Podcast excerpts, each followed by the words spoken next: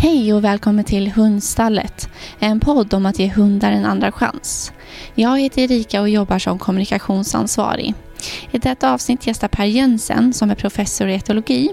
Vi pratar om två forskningsstudier som har gjorts på Hundstallet, men även annan spännande forskning. Gilla gärna podden och skriv en recension så att vi kan nå ut till fler. Välkomna!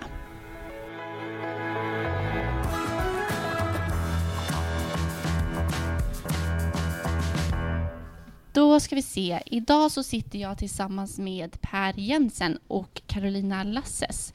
Eh, Carolina är ju nationell pedagogikansvarig här på Hundstallet och Per Jensen är professor i etologi vid Linköpings universitet och även författare. Eh, jag tänker Per, du får, du får börja med att presentera dig själv. Ja, Ja, men du har ju gjort så mycket redan, men det stämmer alldeles utmärkt. Jag jobbar som professor i etologi här i Linköping och jag eh, är ju då ansvarig för forskning och undervisning inom etologi, djurbeteende och närliggande ämnen. Vi har ju bland annat ett eh, helt nytt eh, kandidatprogram i djurpsykologi som jag har varit med och initierat och dra igång. Det har blivit väldigt populärt. Och eh, och så har vi ju eh, masterprogram i etologi, ett internationellt program som i år har dragit till sig 40 studenter från hela världen. Och sen så har vi en forskargrupp som jobbar med en del med hundar och eh, en hel del med höns. Just mm. Superspännande. Och du Carolina jobbar ju med våra hundar här på hundstallet. Ja men precis. Jag är, man kan väl säga att jag ansvarar, och, eh, ansvarar för och handleder arbetet med hundarna här på stallet. Och, och, Per är ju en gammal lärare till mig. Eller mm. gammal och gammal, men det var ett tag sedan. Ja, och jag, jag, jag köper det. Är faktiskt. Gammal jag, jag, har, jag har varit med några år här på jorden. Ja, och sen så är jag så lycklig över att vi har ett samarbete nu också med eh, Linköpings universitet och kunnat ta hit eh, masterstudenter. Så att, eh, därför är det liksom lite aktuellt också det här med, med Per och, och Lina Roth och, och, gänget på Linköpings universitet. Mm. Och det tycker vi, vi, vi tycker det är jätteroligt att få ha det här samarbetet också. Mm. Ja, det är superspännande. Och det är ju lite av eh, temat för det här avsnittet kan vi säga, just eh, studierna som vi har gjort tillsammans. Mm. Eh, ska vi börja med att, det är ju två stycken, en som är gjord. Ska vi mm. börja med att eh, presentera vad, vad det är för studie? Ja, men vi, vi, då tar jag det eftersom jag var, då hade jag nöjet att redan ha börjat på hundstallet, så jag var ju med här när, när Cornelia och Jenny var här. Eh, Just det. den här eh, studien. Eh, och de eh, gjorde olika problemlösningstester, eh, bland annat, där man kikade på hur mycket hundarna sökte ögonkontakt eh, med, i vårt fall, då hundskötare. och så jämförde man då med hundar från uppfödare som hade bott hos samägare hela sitt liv och hundar som hade blivit omplacerade och så då ett gäng hundar från hundstallet som bor här hos oss. Eh, och det man kunde se var att hundstallshundarna var mycket mindre kontaktsökande. Eh, med då, eh, egentligen alla i rummet, men även då den som höll i kopplet, eh, hundföraren eller hundskötaren. Eh, och sökte väldigt lite ögonkontakt under själva problemlösandet. Bad liksom inte om hjälp på det viset. Eh, och överhuvudtaget så höll hundarna eh, på hundstallet ögonkontakten under kortare tid än om man jämför med de andra grupperna.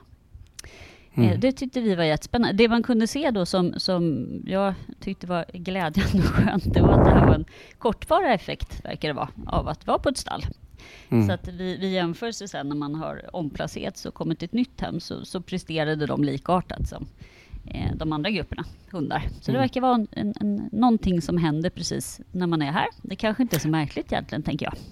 Nej, men man ska Nej. nog också komma ihåg att det behöver inte nödvändigtvis vara just att de är där på stallet. För de här hundarna har, är ju där av en anledning. Va? Det finns en historik bakom det här. Så, så det som påverkar deras beteende och så kan ju vara sånt som har hänt innan de kommer till, eh, till hundstallet.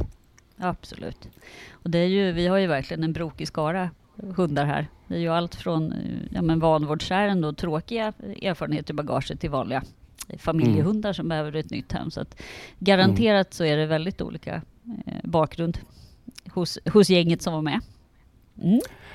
Och jag, jag, eh, jag kanske kan kommentera lite grann vad de här, eh, alltså, eh, kontakt, eller förlåt, de här problemlösningarna och det som du pratar om. Alltså, vi, när vi gör sådana här studier så är det inte i första hand för att mäta hundarnas förmåga att lösa problem. Utan precis som du säger, det här är ett, en metod för oss att helt enkelt mäta hur hur kontaktsökande hundarna är, hur intresserade de är att samarbeta med människor och upprätthålla kontakten. Och det här går ju tillbaka på att man eh, har funnit eh, för rätt länge sedan här nu i forskningen att, att eh, hundar har det här spontant i sig om man jämför med vargar. Så det är ju någonting som har utvecklats under domesticeringen. Att när en hund står för, inför ett svårlösligt problem så reagerar den ofta då med att vända sig mot ägaren, söka ögonkontakt och, och i alla fall vad det förefaller då eh, söka hjälp helt enkelt. Och det gör inte vargar. Men eh, även bland hundar finns det en väldigt stor variation här så att några hundar, eh, det finns rasskillnader, det finns individskillnader inom en ras och det här tycks också påverkas av just erfarenheter och så. Så det är därför som vi har använt det här eh, ganska enkla sättet att, att testa hundens vilja att ta kontakt.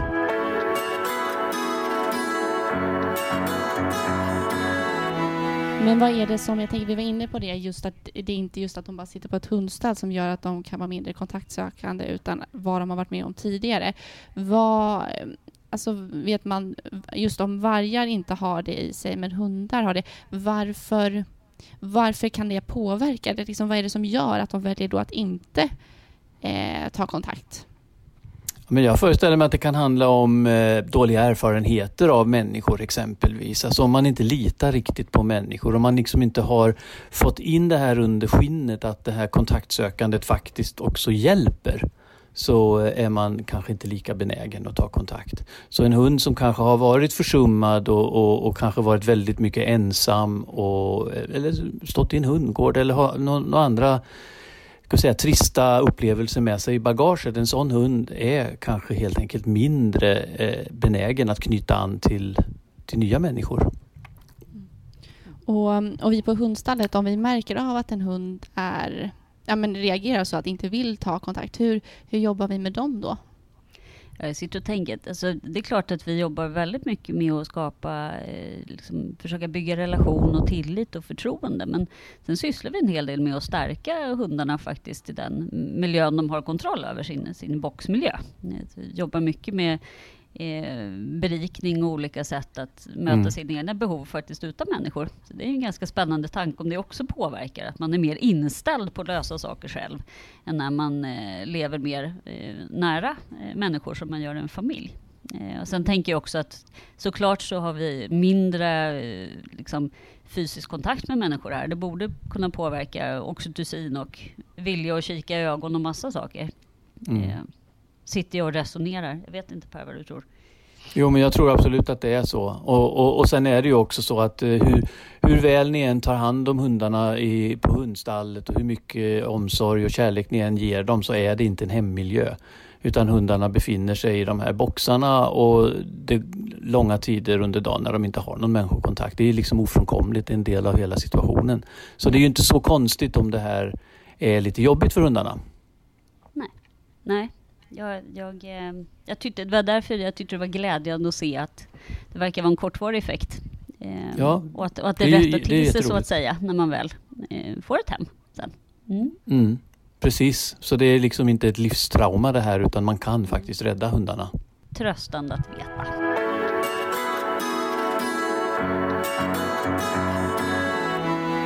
Men sen tänker jag också, vi, vi jobbar ju mycket med, som du säger, här, bygga självförtroende eh, för de hundarna som är här.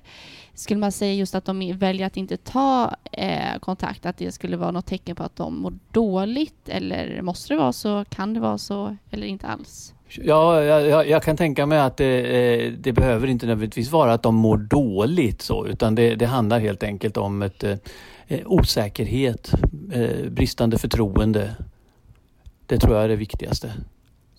Och man kanske inte har skapat så nära relationer än. Vi, vi har, även om de träffar återkommande samma hundskötare så är det ju ett gäng. Eh, det är många olika människor som man ska bygga, mm. Eh, bygga relation till. Och, och det är mm. klart att de blir inte lika kanske djupa och man umgås inte lika mycket som man gör med sin eh, ägare helt enkelt. Så att, eh, jag tror också där att det finns ju, jag menar man bygger ju upp ett samspel tillsammans och där det i olika relationer ser olika ut hur mycket man vill lösa problem på egen tass eller be om hjälp. Och det är som, som Per sa också med personlighet och ras och massa olika saker som påverkar hur benägen man är.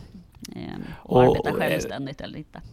Absolut. Alltså, faktum är att den första studien som vi gjorde där vi liksom utvecklade det här testet, eh, då jobbade vi med försökshundar.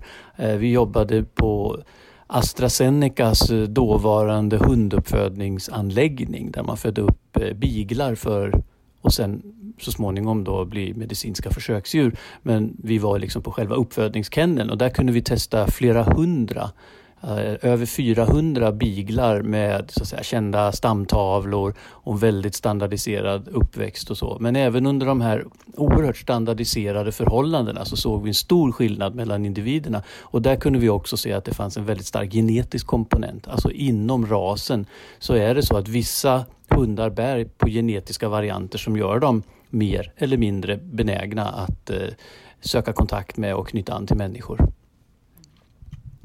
Ja, alla som har träffat många olika hundar vet att det kan vara väldigt olika det där. Mm. Herregud. Mm. Det är verkligen mm. en, del, en del ger upp vid första försöket och en del flyttar möbler om leksakerna har kommit under någonting. Eller vad ja, det nu kan precis. vara. Eller talar om att det är matax eller vad det nu är. Så att det, det, är väldigt roligt när hundar är kommunikativa tycker jag. Mm. Mm.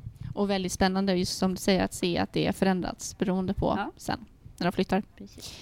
Har vi något mer i den studien som vi um, Nej, men vi har ju en ny på gång. Ja. ja. vi ser fram emot supermycket. Vad handlar den om? Ja men det är ju, det är min, min kollega Lina Roth och hennes studenter som har planerat upp den här studien som då går ut på att eh, försöka se om man på något sätt kan göra livet lite roligare ändå på, eh, i, i den här hundstallsmiljön. Och det de mer specifikt eh, ska titta på här det är ju det här som vi kallar för akustisk berikning. Alltså att eh, hundarna ska få någonting att lyssna på helt enkelt som gör att de inte eh, fokuserar så mycket på liksom att, att eh, all, allt det här andra som pågår runt omkring dem och så. Så eh, alltså rent konkret så kommer eh, Lina och hennes studenter att spela ljudböcker för eh, de här hundarna. Eh, och ehm, ja, och, då är, är, ju då tanken att det här ska ju ha någon slags lugnande effekt, att de hör en mänsklig röst. Eh, jag tror vi är ganska många som också rent spontant gör som jag själv gör när jag lämnar mina hundar ensamma, att då sätter man på radion och så får P1 gå i bakgrunden så eh, finns det i alla fall lite röster och det blir inte precis tyst och sterilt runt omkring dem. Så det är den tanken att se om, om, om man kan använda det här som en relativt enkel metod för att berika hundboxar. Mm. Sen är jag så väldigt nöjd för de nappade på min idé. Vi ska också ha naturljud som, som någon typ av mer stimulerande ljud. Så kommer det vara mm. fågelkvitter och susesäven höll jag på att säga. Jag vet inte vad de hittar för någonting än. Men, ja. Och se om man både kan skapa lite nyfikenhet och, och, och sen då lugn med ljudböckerna. Och som du mm. säger, redan nu så har ju vi ljud på eh, i våra stallgångar. Eh, vår, vårt nya stall Alingsås är vi till och med så lyxigt så vi har individuellt ljud i varje box så man kan lyssna på olika saker. Så det här mm. ser vi fram emot så mycket och se om det, hur vi kan applicera det här i vår verksamhet eh, ja. och hjälpa till. Kanske få lugnare nätter eller lindra oro eller skapa lite stimulans vissa eh, tider på dygnet. Så det ja, mm. ska bli väldigt kul. Ja, Men det hur, jag också hur, hur mäter man just det här då? Hur, hur mäter man resultatet? Ja, men resultatet mäts ju genom olika beteendetester då, som, som bland annat handlar om just att, att titta på om hundarna blir eh, lugnare, mer kontaktsökande och, och så vidare. Så att eh, här finns ju en rad olika beteendetester som man kan göra. Som man, man utsätter, eller man låter hundarna leva i den här miljön under en viss tid och sen testar man efteråt. Man kan testa dem före och man testar dem efteråt och ser har det här nu haft någon effekt på hur de till exempel söker kontakt och hur de beter sig i, emot människor. Så ja, det är väl tanken. Precis, sen kommer de också aktivitetshalsband, precis som de hade förra vändan. Så man kan se om, om det är någon skillnad hur mycket man vilar och i farten. Eh. Och för de som inte vet vad det betyder, det är att man mäter sömn och liknande då? Sådana? Ja, det är väl fysisk aktivitet man Ja, här precis vad det är. Det är ett litet hals, ett halsband som, som helt enkelt kontinuerligt mäter om, om hunden är fysiskt aktiv, om den sitter eller ligger eller går eller springer eller vad den gör. Och eh, de där ska ju faktiskt också kunna mäta en del fysiologiska parametrar så vi får ju se om de kan få det här att funka. Alltså hjärtfrekvens, puls, eh, bland annat då, kroppstemperatur som ett tecken på stress. Eh, det där har inte funkat så himla bra med våra halsband men aktiviteten eh, får vi jättebra data på. Och det vi ska försöka göra det är ju eh, inte en lika standardiserad miljö som hos Astra som du var inne på. Men, men mm. vi har haft fina planeringsmöten nu om vad vi kan göra för att se till att, att vi just mäter berikningseffekten av ljud och inget annat. Mm. Så vi försöker hjälpas åt. Det ska bli otroligt spännande. Tycker jag. Mm. Mm. Jättekul. Mm.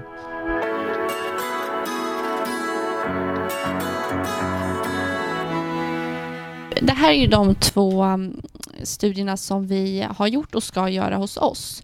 Mm. Um, men det är ju mycket annat som du har forskat kring. Jag tänker, ska vi gå in på den forskningen som går ihop mycket med vår verksamhet, um, som är den missuppfattade dominansen?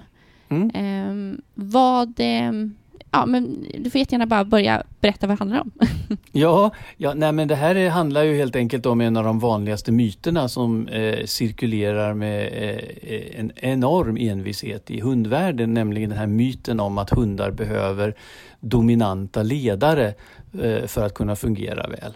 Och det här, eh, ja, jag skrev ju om det här redan för 40 år sedan, skrev jag artiklar om att eh, det, här är, det här är just en missuppfattning därför att eh, det här med ledare och eh, hierarkier och, och, att man ska ha dominansförhållanden till sin hund, det bygger ju på eh, en ganska stor missuppfattning av hur sådana här saker fungerar ute i naturen. Man inbillar sig att vargar är på något sätt programmerade att eh, ta befälet i sin flock och om man är lite slapphänt mot dem så kommer de att göra det och sen är det fullständigt hopplöst att få dem att, att lyda eller göra någonting utan då gäller det att skydda barnen i stort sett. Eh, och det där är ju en myt. Vargar har inte en sån social struktur. Vargars eh, flock eh, flockliv bygger i första hand på samarbete, förtroende, vänskap. Och Dessutom så har ju ledarskap och hierarkier och så vidare, det har ju ingenting att göra med förhållandet mellan människa och hund. Eh, möjligen kan man fundera över, i vissa fall ja, eh, åtminstone, så, så är det klart att hundar eh, eh bildar en rangordning sinsemellan som de använder i de fall som det uppstår konflikter. Och då slipper de helt enkelt att bråka om de, eh, i, i de konflikterna. Men jag tror inte det är så himla ofta som vi hundägare eh, har en konflikt över våra hundars tuggben eller foder, liksom, utan det får de gärna ha för sig själva. Jag vill inte ha det i alla fall. Så där finns liksom inga konflikter. Va? Och, och, ja, och det här ger tyvärr då eh, har, har gett upphov till eh, en mängd felaktiga viktiga saker när det handlar om hur man behandlar hundar och det kommer ju till uttryck i diverse olika tv-program och en del litteratur. Man får lära sig att man ska vara väldigt handgriplig och hård och bestraffande mot sin hund för det är ett sätt att markera det här ledarskapet. Och all forskning som finns, och det finns faktiskt en hel del, visar ju att eh, behandlar man sin hund på det sättet så ökar man risken för att få hundar som är nervösa, aggressiva, eh, osäkra mot främlingar, osäkra mot andra hundar och så. Och det är ju egentligen inte så himla konstigt. Va? Om de går igenom livet och aldrig riktigt vet Alltså om ägaren verkligen är en kompis eller en som kan straffa en i tid och otid, ja men då, då bryter man ju gradvis ner självförtroende och tillit och så vidare. Så ja, men det är väl vad det handlar om och eh, det, det är otroligt glädjande då att det på väldigt många ställen som hos er till exempel finns en aktiv policy mot att använda sådana här metoder. Precis, för oss är det ju ja, jätteviktigt men också utifrån att vi har definitivt hundar här som har varit utsatt för hemskheter innan.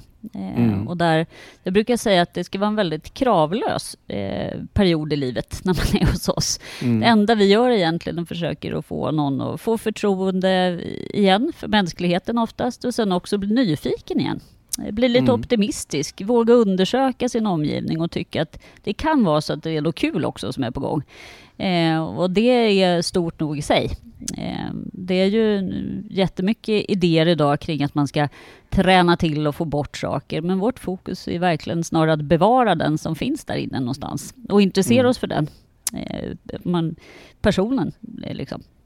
Eh, så att det är ständigt återkommande och det finns ju också olika tekniker som går ut på att ignorera hundens alla initiativ och man hälsar inte på den. När man, eh, och det är otroligt olyckligt för en så vänligt programmerad eh, varelse som en hund. De är ju väldigt Mm. utlämnande till sina sociala eh, relationer. Eh, så att vi är jättenoga med hur vi jobbar här och noga med de hem vi sätter hundarna i också. Att det ska, man ska inte behöva gå ont i magen och undra ifall man gör fel. Eh, utan det ska vara okej att våga prova. Och vi brukar ju alltid säga det att vi jobbar med mjuka metoder. Eh, och det är väl lite där det handlar om. Just att, eh, att det är vänlighet istället för ja, vad ska man säga, bestraffning. Kan man säga så? Kan man säga. Mm. Det är ju väldigt svårt tycker jag det här med, med det finns ju, skulle jag då säga, lite provocerande mjuka metoder som inte är så schyssta heller. Det viktigaste är ju att utgå ifrån jag menar, man inte skrämmer någon, man är inte elak med någon, man använder inte hot, man använder inte våld. Eh, någonsin. Aldrig okej. Så det är vi ju stört, stört noga med. Mm. Ja. Det, det jag tycker jag är det- väldigt, väldigt, väldigt skönt att höra tycker jag. Och det kan man ju bara tänka själv. Alltså, jag tänker att det är ganska enkelt att utgå från sig själv och så här, känna vad man själv skulle känna om man, vad man blev utsatt för. Så är det väl ändå ett ganska självklart val, tänker jag. Ja men så är Ehm. det. Och det är, det är ju rätt intressant också att det, det finns ju väldigt mycket forskning från de senaste 20 åren som handlar just om relationer mellan hund och människa. Och går vi tillbaka till ska vi säga, 70-tal, 80-tal, då var det ju väldigt mycket det här att man hade någon idé om att vargflocken på något sätt var modellen för hur man skulle inordna hunden i familjelivet. Och så hade man ju då ganska vaga begrepp om vad en vargflock egentligen har för sig eftersom det finns ganska lite forskning på det faktiskt ute i det vilda. Men den senare tidens forskning har ju visat att den bästa liknelsen på relationen det är ju den mellan föräldrar och barn. Alltså hunden beter sig i en mängd olika situationer på precis samma sätt som ett barn beter sig gentemot en förälder. Blir osäker av samma anledningar, söker trygghet och bekräftelse på samma sätt och så vidare. Så har man den utgångspunkten så tror jag att man har mycket bättre förutsättningar att få en bra relation till sin hund. Jag tror det också. Jag som är tvåbarnsmor måste säga att det finns jättemycket eh, paralleller. Också med den så kallade trotsåldern som man pratar om med hund. Som egentligen tycker jag verkar vara precis som med barn ett, ett sätt att säga att jag behöver vara lite mer självständig och känna att jag kan saker. Jag har, jag har egna idéer om saker och ting. Eh, Så det är otroligt eh, många paralleller som man kan dra. Tycker jag också. Det viktigaste är väl att komma ihåg att hundar har massa hundgrejer för sig som är viktiga för dem. I övrigt så tycker jag att det är jätte, jättebra sätt att förhålla sig till hundar som, som vi gör till familj. Mm. Eh, Det är en bra blir det inte modell. så komplicerat. Ja, Mm. verkligen. Mm. Och det känns ju som att det har hänt ganska mycket på ändå hyfsat kort tid. Just hur man ser på hund eh, och hur man ska behandla dem. Ehm. Ja, det, det tycker jag nog med då som jag började i hundvärlden på 70-talet och jobbade i brukshundsklubb och, och tränade hundar enligt vad som var då tidens melodi och jag kan ju bara säga att jag hoppas innerligt att min gamla springer spaniel har förlåtit mig där uppe i himlen för det var inte alltid så trevliga saker som man liksom uppmanades att hålla på med. Idag är det ju inte så, i alla fall i mycket, mycket mindre utsträckning. Och därför är det så fint. Men det tål alltid upprepas på något sätt och sprida den kunskapen så att den inte glöms bort. Eh, Så att vi inte hamnar tillbaka där igen. Mm. Eh, Med mindre bra sätt att hantera hundar. Mm.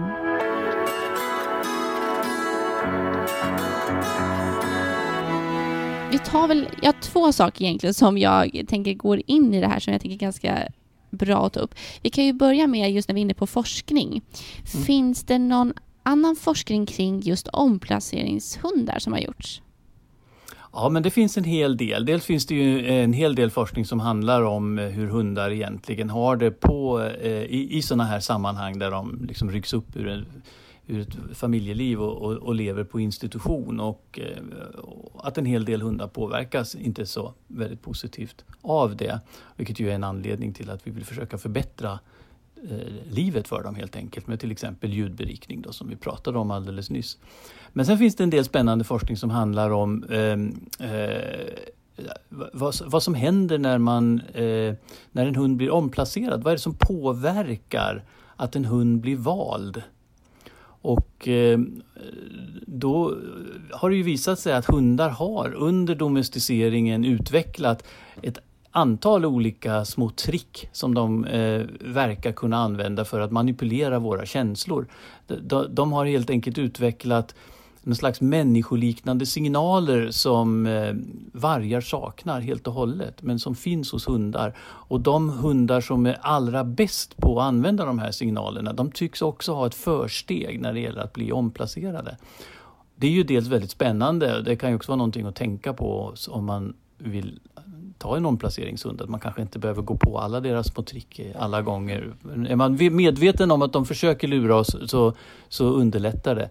Men det är ju då framförallt två saker som jag tänker på. Det ena har att göra med, båda har att göra med ögonen. Så det ena är den här ögonbrynshöjningen som är ett eh, typiskt mänskligt beteende som vi använder sinsemellan. När vi liksom visar ett intresse, deltagande, inlyssnande så är det väldigt typiskt att vi höjer ögonbrynen. Det är liksom en signal, det gör man helt spontant utan att tänka på det. Vargar kan inte göra det, i alla fall väldigt, väldigt lite för de saknar de muskler som behövs för det eh, runt ögonbrynen. Men hundar har utvecklat en helt egen muskulatur just runt ögonbrynen som de använder till det här beteendet. Och det är ju, de, många hundar har ju också den här lilla fläcken, den här ögonbrynsfläcken som då kan förstärka det här beteendet. Eh, som med allt så varierar det här från individ till individ hur bra de är på att göra det här. Men det forskningen har visat är att de hundar som är extra bra på att göra det och som oftast gör det när folk hälsar på dem och pratar med dem. De hundarna har större sannolikhet att bli omplacerade snabbt. Så det är som man liksom uppfattar de här som extra trevliga, insmickrande hundar och då tar man hem dem. då. Kan det, en tanke, ibland så är det ju så att helt enfärgade hundar eh, har väl lite svårare, om de inte är rörlig bild faktiskt, att få någon känsla kring. Ja. Eh, det känns som att det här skulle kunna höra ihop, att det är mindre typ av mimik och uttryck ja. om man är helt svart eller helt beigefärgad eller vad det kan vara. Medan ja, en rottweiler eller någon som har de här humlorna som du säger som ögonbryn ja, får det. kanske en annan blick. Mm. Absolut tror jag det och, och, och, och, det gäller ju hela mimiken. Jag menar det är bara att titta på en, en bull terrier till exempel. Den, den eh, kan vara lite svårt att liksom uppfatta som sådär insmickrande. Va? Men, eh, hur gulliga de Som bullterriägare så håller jag med dig. Ja. ja, men det är ju så. Va? Insmickrande är de ju inte alltså. Ja. Nej, precis. Men, och den andra saken, det är ju ganska ny forskning som kom bara för några veckor sedan. Eh, det är japanska forskare som har tittat på en eh, rätt märklig sak faktiskt, nämligen att hundar eh, kan producera väldigt mycket tårvätska.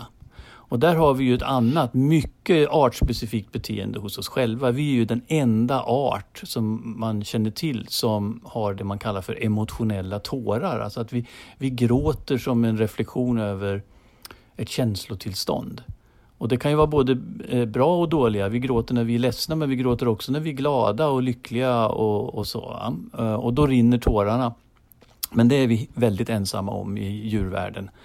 Eh, eh, förutom då med hundarna.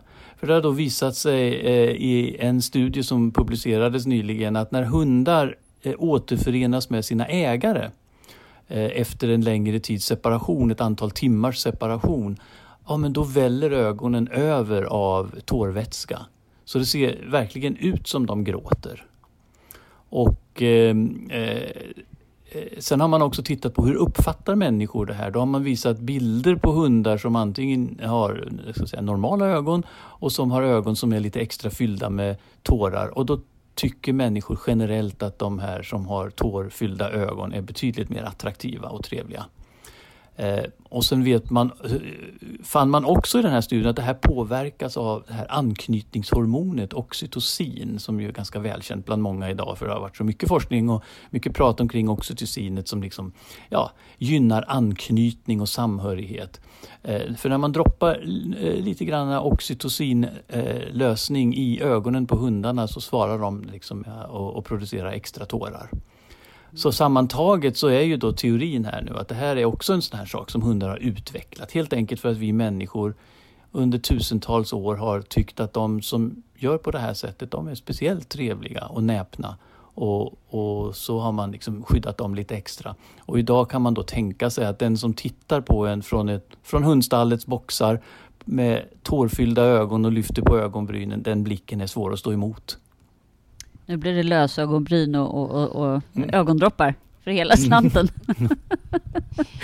Men man kan säga då alltså just att det här eh, är liksom kopplat till emotionella känslor hos hunden. Att det är ju ja. så som för oss människor att om de är glada eller ledsna så så är det liksom ja, samma sak där. Leds, ledsna har de ju inte tittat på i den här studien utan det man kan konstatera det är att när de återförenas med sin ägare då får de de här tårarna och det blir inte samma sak om de återförenas med en som de inte är nära anknuten till.